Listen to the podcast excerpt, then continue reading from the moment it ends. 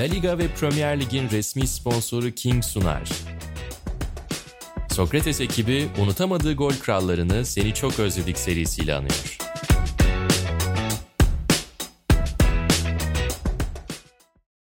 Herkese merhabalar. Seni çok özledik. La Liga serisinde 3. bölümle karşınızdayız. Bu bölümde 96-97 sezonunu ve Ronaldo'nun, Brezilyalı Ronaldo'nun, kimilerine göre gerçek Ronaldo'nun, kimilerine göre artık gerçekliğini Portekizli Ronaldo'ya kaptırmış olan Ronaldo'nun efsanevi Barcelona sezonunu konuşacağız. İlhan Özgen'le beraber. İlhan merhaba. Selamlar Onur. Bizim için aslında özel bir isim diyebiliriz Ronaldo bizim jenerasyon için. Ve onu en özel mertebeye çıkaran da galiba bu Barcelona sezonu. Katılır mısın buna? Yani onun devamında Inter'le oynadığı bir senenin de biraz katkısı var. Hani İtalya Ligi daha göz önündeydi ama hani kafamıza kazınması. Mesela PSV'de parladı falan diye anlatıyorlar da ben Türkiye'de kaç insanın Ronaldo'yu PSV'de oynarken izlediğinden emin değilim. Ama hepimizin gözünün önüne Barcelona'daki bu tek sezonuyla çıktı bahsettiğin gibi. Oradaki o unutulmaz maçları, kupa galipleri kupasında e, Barcelona'nın o zamanlar prestijli bir kupaydı biliyorsun. Zafere koşması falan filan derken biraz böyle yeni ilahımızı yani futbol severler yeni ilahını bulmuş gibiydi hakikaten o sezon. Sezonla ilgili genel bilgilerle başlayalım istersen. 96-97 sezonu La Liga'da Real Madrid'in şampiyonluğuyla bitiyor. 92 puanla Real Madrid şampiyon oluyor. Barcelona 90 puanla ikinci oluyor. Ama Barcelona bu sezonu değiniriz. Kupa Galipleri Kupası zaferiyle tamamlıyor. Copa del Rey'i kazanıyorlar. Ve bakarken en çok dikkatimi çeken bu sezon Barcelona 102 golle ligin en çok gol atan takımı. Aynen öyle. Ee, en yakın takipçisi şampiyon Real Madrid'in 17 gol önünde. 85 atmış Real Madrid. Barcelona 102 golle tamamlıyor. Burada şeyi de ekleyelim. O da var. Bu sezon La Liga'nın 22 takımla oynandığı son sezon. O yüzden yani maç sayısı da toplamda 42 maç oynandığı için de önemli bu açıdan. Yani fazla bir maç sayısı sebebiyle de buna da yorabiliriz ama 102 gol o dönem için epey ekstra. Bu sezonu aynı şekilde Ronaldo 34 golle gol kralı olarak tamamlıyor. İlk geldiği sezon bu. En yakın rakibi Alfonso'ya 25 golle Alfonso'ya 9 gol fark atarak tamamlıyor. Ve aslında kendisini bütün dünyaya tanıtıyor. Senin o dediğin kısma ben de katılıyorum. Yani PSV'de evet iyi bir topçuydu. Ama o dönem Hollanda Ligi'ni kimler izliyordu, ne kadar izleniyordu diye sorarsak o dönemin şartlarını 90'ların ikinci yarısında bayağı bir problem çıkar aslında yani hani ben oradan tanıyorum, hatırlıyorum diyenlere. O yüzden Barcelona sezonuyla başlayan ve hatta ve hatta işte klasik en meşhur Compostela'ya attığı gol. Yarı sahadan alıp 3 kişi çekiyor, 2 kişi düşürmeye çalışıyor. Onların arasından çıkıyor, kaleciyle karşı karşıya kalıyor. Yani bir resmen savaşa girip savaştan çıkıp attığı bir gol var. İlk imzası da o galiba. Katılır mısın buna? Kesinlikle. Yani zaten hani hep ofiste de konuşuruz ya. Bence sporun tarihi anlarının belirlenmesinde, filtrelenmesinde en önemli soru o an neredeydin sorusuna insanların bir cevabı varsa, onu hatırlayabiliyorlarsa bence bu an tarihi bir andır spor tarihinde. Ya Compostela'ya attığı gol ligin başında ıvır zıvır bir takıma karşı yani Compostela neticede yani oynanmış bir maç. Yani büyük ihtimalle televizyonda canlı bile yayınlanmamıştır o. Ama o kadar hızlı haber bültenlerine düştü ve o kadar hızlı o hafta izlememize neden oldu ki ya Ronaldo dedi mi yaşı yetenler e, tabii ki yetmeyip de bizden daha iyi Ronaldo bilenler olabilir. Yani bu olabilecek bir şey ama yani yaşı Ronaldo'nun kariyerine yetenlerin ilk Ronaldo anı büyük ihtimalle budur. Ya inanılmaz bir şeydi. Yani herkes neredeyse onu konuşuyordu mahallede bile. Herifin attığı golü gördün mü? Gördün mü Ronaldo'nun attığı golü? Adam herkesi geçmiş. İşte yaşı biraz daha büyükler Maradona'yı hatırlatırdı hemen filan. İlk dünyaya açıldı bence de bu goldü yani. Bu en büyük imzası da budur herhalde. Yani birçok şey başardı. Çok zarif bir oyuncuydu ama bu gol ayrı bir yere yazılabilir dediğin gibi. Bu sezonu Ronaldo toplamda 44 maçta 39 golle tamamlıyor. La Liga'da da 37 maçta 34 golü var. Ve benim bu sezondan aslında evet Barcelona işte bu Compostela golü yine daha önceki Romario bölümünde de bahsetmiştik. Raps'ın belgeselinde anlatılan 5-4'lük Atletico Madrid e, Copa Aynen. del Rey çeyrek finali miydi, yarı finali miydi? E, Çeyrek onun finali, rövanş aha. maçındaki o 5-4'lük unut. Ha, inanılmaz bir geri dönüş o maçta. Onunla da hatırlanabilir ama benim Ronaldo deyince aklımda kalan Barcelona kariyerinden en önemli şey abi Valencia maçı. Nou Camp'ta oynanan 3-2'lik Valencia maçı. Ya bugün tekrar açtım, izledim. Şeyi unutuyorum bazen. Ya onun attığı bir üçüncü gol var o maçta. Böyle Musa'nın Kızıldeniz'i yardığı gibi böyle iki kişinin arasından böyle yırtarak onları geçip ondan sonra kalecinin böyle solundan e, bıraktığı bir top var. İnanılmaz bir gol bence. Yani benim hayatımda gördüğüm en böyle gösterişli, ihtişamlı gollerden bir tanesi. Sorun şu, bazen işte insan unutuyor. Abi aynı maç, birinci gol, karşı kaleye neredeyse Aynen aynısını öyle. atmış. Gene iki kişiyi yararak geçiyor. Gene karşı ağlara bırakıyor. Yani o maçın içerisindeki 3-2 alıyor Barcelona. Zor bir maç yani sonuçta hani kafa kafaya giden de bir maç. Bir maçın içerisine böyle iki tane epik golü sığdırmış olmak ve hakikaten lütfen açın izleyin. Bar- Zaten şey var. Ronaldo'nun Barcelona'da attığı tüm goller diye videolar var. Açıp bakabilirsiniz onlara. Ee, direkt de söyleyeyim 3. dakika 5. saniyede Valencia maçında attığı goller başlıyor. Yani inanılmaz bir şey. Benim aklımda direkt o yararak attığı Valencia maçındaki o gol var mesela. Benim bütün kafamda şekillenen odur Barcelona imajında. Evet haklısın. Bende de yani bu tam bir Ronaldo golü diyeceğim. Bahsettiğin Atletico Madrid maçında e, De La Pena'nın pasında 4-4 yapan golde alışı ve dönüşü var. Ya o da tam bir Ronaldo işi yani. Topu derin pastan alıyor ve öyle ani dönüp işi bitiriyor ki zaten o döndüğü köşenin tersine vuruşları çok meşhur. Yani çok dengeli vuruyordu onları. O Zubuzeret'te attığı gol de öyle Valencia'ya bahsettiğin gibi işte. Yani hani top tekniği muazzamdı falan diyoruz da ya gol vuruşta hiç azımsanmayacak seviyede bir adamdı. Bir tek noksanı vardı. Kafa vuruşlarını pek bulaşmazdı. Bir kafa vuruşlarında sıkıntısı vardı. Onun dışında her türlü vuruşu yapabiliyordu hakikaten. Kafa vuruşu dedim şimdi tam da oraya girecektim. Şimdi ben de tabii bütün bu gollerini izledim Barcelona kariyerindeki şimdi tekrardan programa hazırlanırken.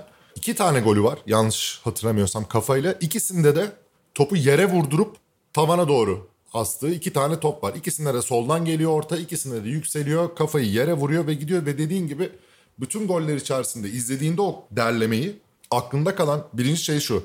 Baba herif burada 30-40 tane gol atmış. Ulan bunların üçte birinde kaleciyi geçerek atmış. Yani ben böyle bir şey yok yani gerçekten. Hani bu şey de değil. Hepsinde bir şekilde savunmanın arkasına sarkabiliyor. Ve ya, kendi de driplingle de geçebiliyor. Yani sadece e, kendini rakipten kurtararak değil. Direkt kendisi birebir alıp rakibi geç- rakibi de geçiyor. Kaleciyi de geçiyor. O şekilde atıyor. Ya çok sinir bozucu bir profil aslında rakip savunma için. Senin o hayvan forvet tanımının aslında altını şöyle dolduran evet o kadar böyle sert, kavgacı vesaire değil ama onun o e, Valencia maçını çok konuştum ama yani oradaki o rakip savunmayı yararak gitmesi, durdurulamaması, çek, çekersin, düşmez, itersin, dengesi bozulmaz. Kaleciyle karşı karşıya kalır, onu da geçer, onu da geçer. Yani bütün bu şeylerin arasında uzaktan vurur, karşı köşeye vurur, sert vurur, yavaş plase vurur. Yani herifin inanılmaz bir e, repertuarı var aslında o gol vuruş konusunda ama evet kafa vuruşları bir tık e, aşağıda çok da kullanmıyor dediğin gibi ama buna da çok gerek kalmamış açıkçası. Yani kendi işini çok kendi gördüğü pozisyon var. Ya o bahsettiğin şeyi ya Costa Curta ya Maldini anlatıyordu sanırım. Inter'e geldiğinde o sezonla ilgili. Yani biz birebir alıyorduk. Bu sefer de- derine gidiyordu. Derine girdiğinde kademeli alıyorduk. Bu sefer bizi birebire davet ediyordu. Yani e, biz Romario'yu, Maradona'yı birçok maçta durdurmayı başardık. Ama Ronaldo'ya karşı çok çaresiz kalıyorduk diye anlatıyorlar. Bahsettiğin gibi yani o repertuarının genişliği belki bir tek Van Basten'le falan karşılaştırılabilir. Van Basten'in çünkü oyunu alıp yönetmesi bir orta saha gibi falan daha farklı meziyetleri var. Ama Ronaldo'nun da o repertuarının çok geniş olması akıllarda kalmasının bence en büyük nedeniydi. Tekniğiyle de bunu harmanlayınca izlemesi çok keyifli bir oyuncu ortaya çıkarıyordu. Hayvan forvet olayında da benim standartlarımda değil ama şurada çok haklısın. Misal Romario'dan bahsettik geçenlerde işte senle. Defansın arkasına sarkardı. İnanılmaz bir gol vuruş yeteneği vardı. Yani sen gözünü kırptığın anda o topu tıklardı zaten. Ya da kaleciyi çok rahat geçerdi. Ama Romario kavgaların içine çok bulaşmazdı. Ronaldo bence yani o sakatlıklardan çok kilo alana kadar bak sak, ilk sakatlıktan sonra filan demiyorum. O kiloyu alana kadar kavgaların içine çok giren bir oyuncuydu. Bence zaten o dripling kabiliyeti, hızı ve bu gücü yüzünden bu sakatlıklar başına geldi. Yani bunları bir araya koyunca bu adam bir ara bir sakatlanır diyordun zaten. Hakikaten de zaten sakatlıklarına baktığında hep dripling halinde defansın üstüne giderken yaşadığı sıkıntılar oldu yani. O stile göre çok zor bir şey sakatlanmadan kariyer geçirmek. O pozisyonların çoğuna dikkat ettiğinde yani sağından solundan illa bir tekme var yani. Hani böyle onları da onları da teğet geçiyor. İşte ne bileyim birçoğu ıska geçiyor vesaire ama yani direkt adamı geçmeye kalktığında illa bir müdahale oluyor karşı karşıya kaldığında. Sonuçta savunma da sana hiçbir şey yapmadan e, senin oradan geçmene müsaade etmeyecek. Ya topa girmeye çalışıyor ya sana bir ayak uzanıyor, üstüne düşülüyor bir şey oluyor yani orada. O karambolden de çok dediğin gibi zarar gördüm. Mesela Romario aynı senin söylediğini düşünüyorum ben de. Romario mesela daha tilki gibi, daha kurnaz, daha sinsice yapardı işini. Ronaldo göstere göstere yapıyordu. O göstere göstere yaptığında da tabii bunlarla bir şekilde karşılaşmak zorunda kalıyorsun galiba. Aynen abi. İtalya'ya geldiğinde Vierkovot daha top oynuyordu. Yani Vierkovot seninle bana bir tane tekme atsa ömür boyu yatarız, yatalak kalırız. Hatırlıyorsun kasabın manyağın tekiydi zaten. Rustico vardı Atalanta'da. Allah muhafaza. Denk getirdi mi öldürür adamı. Böyle kolay faul kart yoktu. Ben ilk sakatlığı Lecce maçı olması lazım. O faule şimdi bayağı bir kart verirler. O zaman öyle bir şey yoktu. Yani o darbeleri yıldızlar aldığında cezasız kalan darbelerdi ve çok zordu o alemde futbol oynamak. Buradan Barcelona'nın sezonunun aslında en flash tarafına geçelim o zaman. Kupa galipleri kupası şampiyonluğuna. Çünkü yani sonuçta 2 puanla da olsa ligi kazanamıyorlar. Bu arada onunla ilgili de küçük bakarken gene dikkatimi çeken bir şey oldu. Abi Barcelona'yı o sezon iki maçta da yenen bir takım var abi. Ve küme düştüler. Herküles. abi biri ligin bitimine 3 hafta kala 2 puanla kaybediyorlar ligi. Hoş tamam Real Madrid son hafta garantilemiş olmanın verdiği rehavetle Celta'dan 4 yemiş deplasmanda falan ama yani ne olursa olsun 3 hafta kala Herküles'le oynuyorlar. Deplasmanda yenilmişler 2-1. Abi heriflere içeride de yenilmişler. 3-2 ki o sezon içeride aldıkları tek mağlubiyet. Buradan da ve Herkules'te sondan ikinci olarak 21. olarak küme düştüğü sezonda Barcelona'ya iki maçta da çelme takarak belki de şampiyonluktan ediyor. Gollere baktım orada. O maçlarda da bir isim var. Dubravko Pavlicic. İki maçta da Barcelona'ya yapıştırmış kral. Euro 96'da Hırvatistan forması giymiş. Ben hiç hatırlamıyorum. Ben de hatırlamıyorum. Hiç aklımda kalmamış ama iki maçta da e, boş geçmemiş. Onu söylemek lazım. Kupa galiplerine dönmek gerekirse de işte ilk turda Barcelona A2 Ayak Larnaka'yı eliyorlar. İkinci turda Kızıl Yıldız. Çeyrek finalde AIK. Yarı finalde Fiorentina. E, iki maçta 1-1 ve deplasmanda 2-0 kazanıp atlıyorlar. Finalde de Paris Saint Germain'i penaltı, Ronaldo'nun penaltısıyla Aynen. 1-0 yenerek şampiyon oluyor.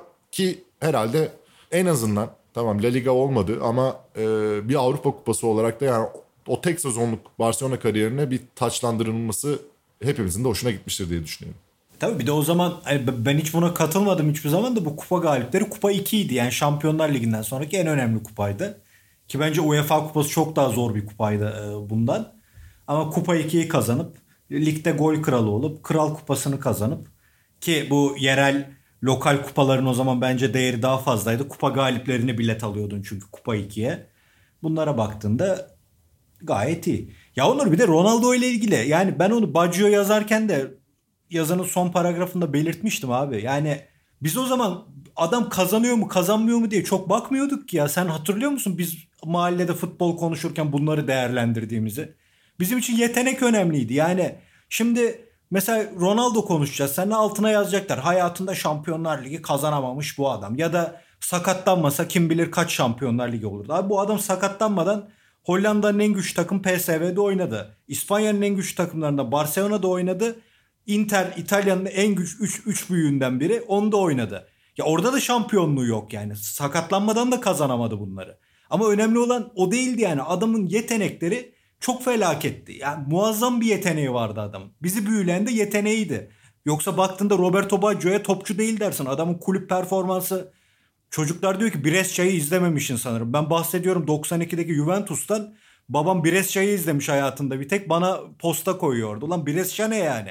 Adam Dünya Kupası'nda takımını finale taşıyacak bir potansiyelken hiçbir zaman büyük takımlarda tutunamadı. Ama biz biliyorduk ki bu herif çok yetenekli ve çıktı mı ben arkadaşlarımla oynamaya gideceksem Baggio ya da Ronaldo varsa gitmezdim yani oturur onları. Batistuta varsa yani iki elim kanda olsa gene izlerim misal. Yani bu adamların kazanıp Şimdi, kazan kazanmaması önemli değildi ki bizim için yani. Dediğine en bariz örneği verecektim. Sen zaten en sonunda söyledin. Abi yani Batistuta dediğin adamın Roma'ya gidip 2000-2001 galiba yanlış hatırlamıyorsam Tabii, tabii. 2000-2001 ha, Roma sezonundaki İtalya Ligi şampiyonluğu dışında ne Arjantin'de bir majör bir başarısı var ne de Fiorentina'da bir başarısı var. Ama ya benim hayatımda en sevdiğim 2-3 topçudan bir tanesidir. En böyle hayranlık beslediğim oyunculardan bir tanesidir. Dediğin gibi bu adam hiç kazanan bir adam değildi bakarsan. Aynen abi. Ya düşün adamın Roma şampiyonluğunda 20 üzeri gol attı. Millet Totti şampiyon yaptı Roma'yı diye anlatıyor bugün. Totti 12 tane mi 11 tane mi ne gol atmıştı. Yani adam o kadar oralarda görülmüyordu ki. Roma'yı o kadar golle şampiyon yaptığında gene başrollerde olamadı milletin gözünde. Yani ama büyük oyuncuydu abi işte çok büyük oyuncuydu. Ha ben buna biraz kızıyorum yani. Ronaldo sakatlanmasa uçardı. E ama sak zaten kupada kazanamıyordu filan. Ya bu önemli değil. Adam çok yetenekliydi. Bizim için önemli olan bu. Abi orada şeyi de hesaba katmak lazım. Yani o dönemin şartlarını e, düşününce bir kere yani Bosman 96'da falan geliyor yanlışım yoksa. E tabii. Ee, o civarda geliyor olması lazım. Abi o dönemlerde fut- bir futbolcunun takım değiştirmesi zor. Yani işte zaten bundan bir iki sene sonrası Luis Figo'nun Real Madrid transferi. Yani inanılmaz bir olaydı o. Yani bütün dünyanın konuştuğu ve bütün dünyayı sarsan bir olaydı. Ne bileyim Batistuta'nın Roma'ya transferi de öyleydi. Yani Batistuta Fiorentina'da oynayabiliyordu ve oradaki rekabet de hakikaten çok geniş. Abi şimdi ee, bir sonraki bölümün konusu. Sadece bir örnek olarak vereceğim. Christian Vieri dediğin adam Atletico Madrid'de gitti top oynadı. Juventus'tan Atletico Madrid'de gitti. Atletico Madrid dediğin takım o sırada yani ne orada Real Madrid var. Orada Barcelona var. Yani hani bu takımlar varken Vieri Atletico Madrid'de oynayabiliyordu ve orada da başarılı olup orada da dikkat çekebiliyordu. Ne bileyim Lazio'da oynayabiliyordu bir oyuncu. Ve Lazio'da oynadığı topla dikkat çekip orada e, kendine bir hayran kitlesi yaratabiliyordu. Rekabet de birazcık fazlaydı. Şimdi bütün Avrupa aslında birazcık bir Almanya'ya dönme durumu var. Yani nasıl ki e, bir başını göstereni Bayern Münih'e kaptırıyorsun Almanya'da. Ya Avrupa'da da aslında şu anda son artık bu Şampiyonlar Ligi'nin ve bütün bu gelirlerin vesairenin artmasıyla beraber abi elit bir sınıf var yukarıda bir 15 takım. Aynen öyle. Hadi bilemedin 10-15 takım en fazla. Abi o illa kendini bir yerde kanıtlamak istiyorsan ve bütün dünyayı kanıtlayıp ben büyük topçuyum payesini almak istiyorsan bunlardan birine yolun düşmek zorunda. Ve diğerlerinde yaptıkların çok da önemli değil. Yani Mbappe şu anda Paris Saint Germain'de yaptıklarıyla bir hani kaç kişi izliyor bir taraftan hani o var.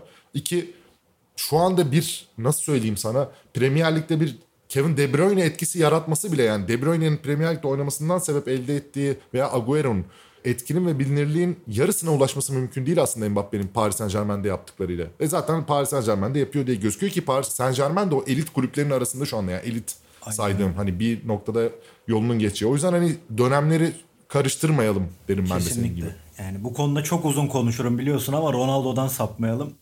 Yoksa Bosman dedin mi hani adam da diyor ben bunu oyunculara adalet için davasını peşine düştüm ama şu anda senin bahsettiğinin üstüne 5 kulüp daha ekliyor.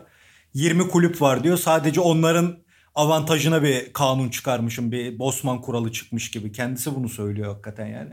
Doğrusun. İşte diğer kulüpler de o 20 kulübün altyapısı gibi çalışmaya devam ediyorlar. Neyse dediğin gibi buraya geçelim. Ronaldo ile ilgili son şeyi söyleyeyim. Ya ligde oynadığı son 10 maçta 10 maçında hepsinde de gol atıyor ki en azından hani bu Barcelona'ya ettiği veda adına da e, onun için güzeldir diyelim. O sezonki diğer rakiplerine bakalım. 25 golle Alfonso, e, Real Betis 24 golle yine Davor Şuker bu kez Real Madrid'de. Rivaldo aramıza katılıyor bu sezon itibarıyla. Deportivo La Coruña formasıyla. Rivaldo'nun 21 golü var ki bu Rivaldo onun da ilk senesi La Liga'da. Ronaldo sezon sonunda Inter'in yolunu tuttuğunda Barcelona Ronaldo'nun yerini doldurmak adına gidip Deportivo'da birinci sezonunu tamamlamış Rivaldo'yu kadrosuna katacak. Onun ve Raul'un da ki Raul da artık iyiden iyiye kendini göstermeye başlamış. Raul'un da 21 golü var. Bu saydığım isimlerden herhangi bir için söyleyeceklerim var mı? Ya Şuker için zaten geçen hafta söyleyeceğimi söyledim. Çok bayıldığım bir oyuncuydu. Alfonso'yu da biraz çıtlattık galiba ama Alfonso'yu da ben çok severdim niyeyse. Ya böyle her türlü pozisyondan gol çıkarabilecek oyuncular vardır ya böyle. Yani onun bir bir çözüm bulur. Atıyorum top tersine gelir ama bıngıldağıyla arka direğe aşırır. Bir, bir çözüm arar yani devamlı. Alfonso öyle bir oyuncuydu. Hani öyle hiç bu sezon parlamış bir daha bir şey yapamamış diyeceğim bir oyuncu değildi. Zaten Euro 2000'de falan milli takımda da oynuyordu artık. Onun için Alfonso ayrıdır benim için. Yani Raul falan tabii büyük efsanelerdir ama ben Alfonso'yu Raul'dan daha çok severim İspanyol forvetlerden misal. Belki o imajı, belki sahada duruşu onlar hoşuma gidiyordur. Onun için Alfonso da özel oyunculardan biridir benim için. Ya diğerleri de zaten Rivaldo ile Raul'a bir şey demeye gerek yok. Raul'u konuşacağız. Rivaldo da hani Türk seyirciler hep onu o pisliğiyle hatırlıyor da ya bugün baktığında çok özel oyuncuydu Rivaldo. Az az oyuncu değildi cidden yani. yani Milan'da oynayamadı. Artık yaşlanmıştı. Bir de bence İtalyan futbolu ona göre çok değildi ama İspanya'da yaptıkları, Brezilya milli takımında yaptıkları 98'de 2002'de az topçu değildi cidden. Ya Rivaldo deyince de mesela Alfonso konusuna bir geleyim önce. Evet yani senin dediklerine katılmakla beraber bahsettiğini belki de şöyle tamamlayabiliriz. Abi liglerin karakteristik forvetleri var ve ha, her yaşa. bir şekilde bir forvet yetiştirir. En üst seviyede olmasına gerek yok. Atıyorum Serkan Aykut da iyi bir forvettir. E, Serkan Aykut Türkiye Ligi'nin yetiştirdiği önemli forvetlerden biridir. Yolu bir şekilde Galatasaray'a düşmüştür ama orada o kadar başarılı olamamıştır. Alfonso için de aynısını söyleyebiliriz. Yolu Barcelona'da düştü. Orada o kadar başarılı değildi ama Betis kariyeri vesaire orada gayet de çok hem o lige hizmet eden hem de o ligi tanımlayan isimlerden biri olmuştu bence de. Sana burada katılıyorum. Ee, Rivaldo ile de ilgili son şunu söyleyeyim kapatalım. Rivaldo benim çok benzerini görmediğim tipte bir oyuncuydu. Yani bazı oyuncular normal pozisyonlarda kalıba pek sığmıyorlar. Rivaldo'yu da onlardan birine ben hep aday gösteririm. Benim için mesela bir örneği Mihail Balak'tır. Yani Balak'a benzeyen bir oyuncu çok hatırlamıyorum. Yani pozisyonu itibariyle ve yapabildikleri itibarıyla. Rivaldo için de aynısını söyleyebilirim. Aslında birkaç pozisyonun gereklerine sahip ama kendine eşsiz biricik bir yer bulup onun üzerinden bir kariyer inşa etmiş oyunculardan biri. Onların daha düşük bütçelisini sorarsan da mesela Julio Baptista diyeyim sana bırakayım sözü. Olabilir haklısın. Belki hani İtalya'da olmamasının nedeni de buydu yani. Hani adama şey bulamadılar. Ulan bunda ne yapacağız şimdi diye yer bulamadılar belki de. Gerçi o zaman Milan da artık Ancelotti'nin Milan'ı iyi olmaya başlamıştı. Ya abi adamı tanımlayacak bir şey yok. Baktığında işte Sokrates tipi diyorsun ilk. ince uzun, uzun bacaklar ama çok atletikti. Bence Sokrates'e göre çok teknikti. Atletizmi önemli. Topa iyi vururdu. Yani o Fenerbahçe son saniyede attığı gol falan inanılmazdı. Valencia röveşatası. Mesela atletik diyorum ya bu özellikleri de vardı. Ama mesela şimdi olsa çok çok daha kıymetli olur bence Rivaldo. Çünkü o zaman abi zaten biz Romario'yu izledik. Raye misal hani Paris Saint Germain az önceki şeyine katkıda bulunayım. Raye. Ya Paris Saint Germain de oynardı ama büyük oyuncuydu yani. Onun için izlerdik Paris Saint Germain'e. Ondan sonra Ronaldo geldi. Ondan sonra e, Ronaldinho'lar çıktı. Kakalar çıktı. Yani Rivaldo sanki ulan bu Brezilya'da zaten çıkarıyor gibi. Arada kaynadı gibi geliyor bana. Ama baktığında adam özel oyuncuydu yani. Hani şimdi bu kıtlıkta çıksa çok daha e, başka yerlere konulabilirdi. Bir de Barcelona'nın da işte şeyi var abi. Yani, yani izlemesi de çok özel bir oyuncuydu bir kere. Yani hani sahada seyir zevki anlamında ve estetik anlamda da bir de senin dediğine de şöyle de bir ekleme yapayım. Saydığın özellikleri abi Rivaldo kalçasını koyduğunda bir topçuya bütün o estetik işte atletiklik, ne bileyim yetenek vesaire bunların yanında çoğu oyuncuda olmayacak şekilde kalçayı koyduğunu da öyle kolay kolay ne yanından dolaşabilirdi ne de o topu alabilirdi yani Rivaldo'dan. Ve Dünya Kupası finalinde o topun üstünden atlayıp Ronaldo'ya attığı golde Metin Özgen FIFA'ya bu golü Rivaldo'ya yazmalılar diye bir veryansında bulunmuştu. Yani o zeka pırıltılarını sever sahada sık sık da gösterirdi Rivaldo. Ama işte o Barcelona'nın da kötü olması o dönem. Yani ligi gene götürüyorlardı da Avrupa'da böyle bir Barcelona yoktu. Belki onun için de bu kadar etkisi büyümedi yani. O zaman buradan Rivaldo'yu da selamlayarak bu bölümün sonuna gelelim. La Liga'nın ve Premier Lig'in sponsoru King'in katkılarıyla hazırladığımız Seni Çok Özledik de La Liga bölümünde 96-97 sezonunu ve Ronaldo'yu konuştuk. Bir sonraki bölümde görüşmek üzere. Ben Onur Erdem, İlhan Özgen'le beraber yine karşınızda olacağız. Hoşçakalın. Hoşçakalın.